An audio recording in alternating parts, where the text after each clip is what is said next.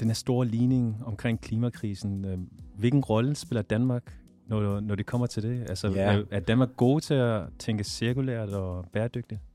Danmark er især god til én ting, og så er vi ret dårlige til en del andre ting. Men vi er især gode til det der med vedvarende energi.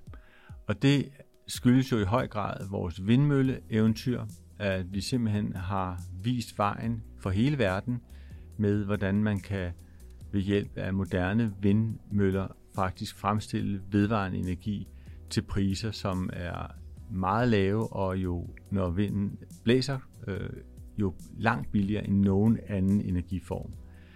Det er der blevet en, nogle store, vigtige danske virksomheder ud af, og det er hele det grundlag, der nu gør, at vi kan tro på, at når vi får de næste store havvindmølleparker placeret i Nordsøen og andre steder, at så vi måske om 10, 15, 20 år kan have en elektricitetsproduktion, der er 100% vedvarende, og måske også i videre stand, altså til opvarmning og så videre, at vi i en eller anden ikke så fjern fremtid faktisk helt kan undvære olie og gas og andre fossile brændstoffer. Det er vi gode til. Det vi ikke er særlig gode til, det er øh, i virkeligheden øh, at forbruge ansvarligt og sørge for, at de ting, vi køber og bruger, at de bliver brugt igen og igen og igen, og at når vi er færdige med at bruge dem selv, at vi får dem solgt videre eller givet videre på en måde, sådan så alle de materialer, de ressourcer, der er i øh, vores tøj, i vores elektronik, i vores møbler, i vores huse, at det kan blive brugt igen.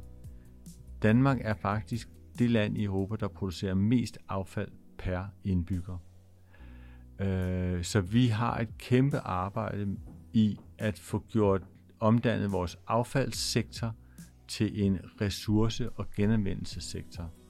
Og I vil også se mange af, af de selskaber, som i gamle dage kaldte sig affaldsselskaber, de kalder sig også nu i stigende grad for ressource- eller genindvindingsselskaber. Og det er vigtigt, fordi det er meget nødvendigt at gå den vej, for halvdelen af alt det CO2, der udledes i verden, stammer fra de produkter og de råmaterialer, der indgår i de produkter, som vi bruger.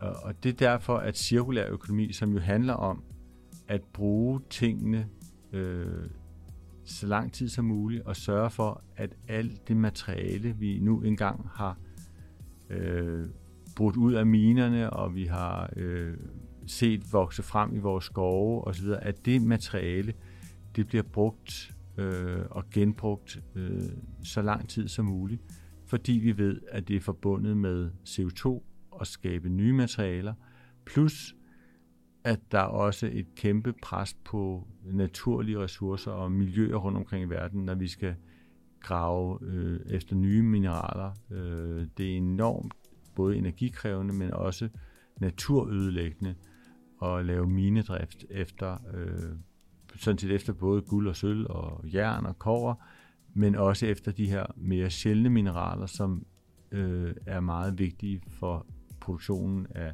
både bilbatterier og iPhones og computere. Alle de her mineraler skal vi blive meget bedre til hele tiden at holde inde i vores økonomi og genanvende igen og igen og igen.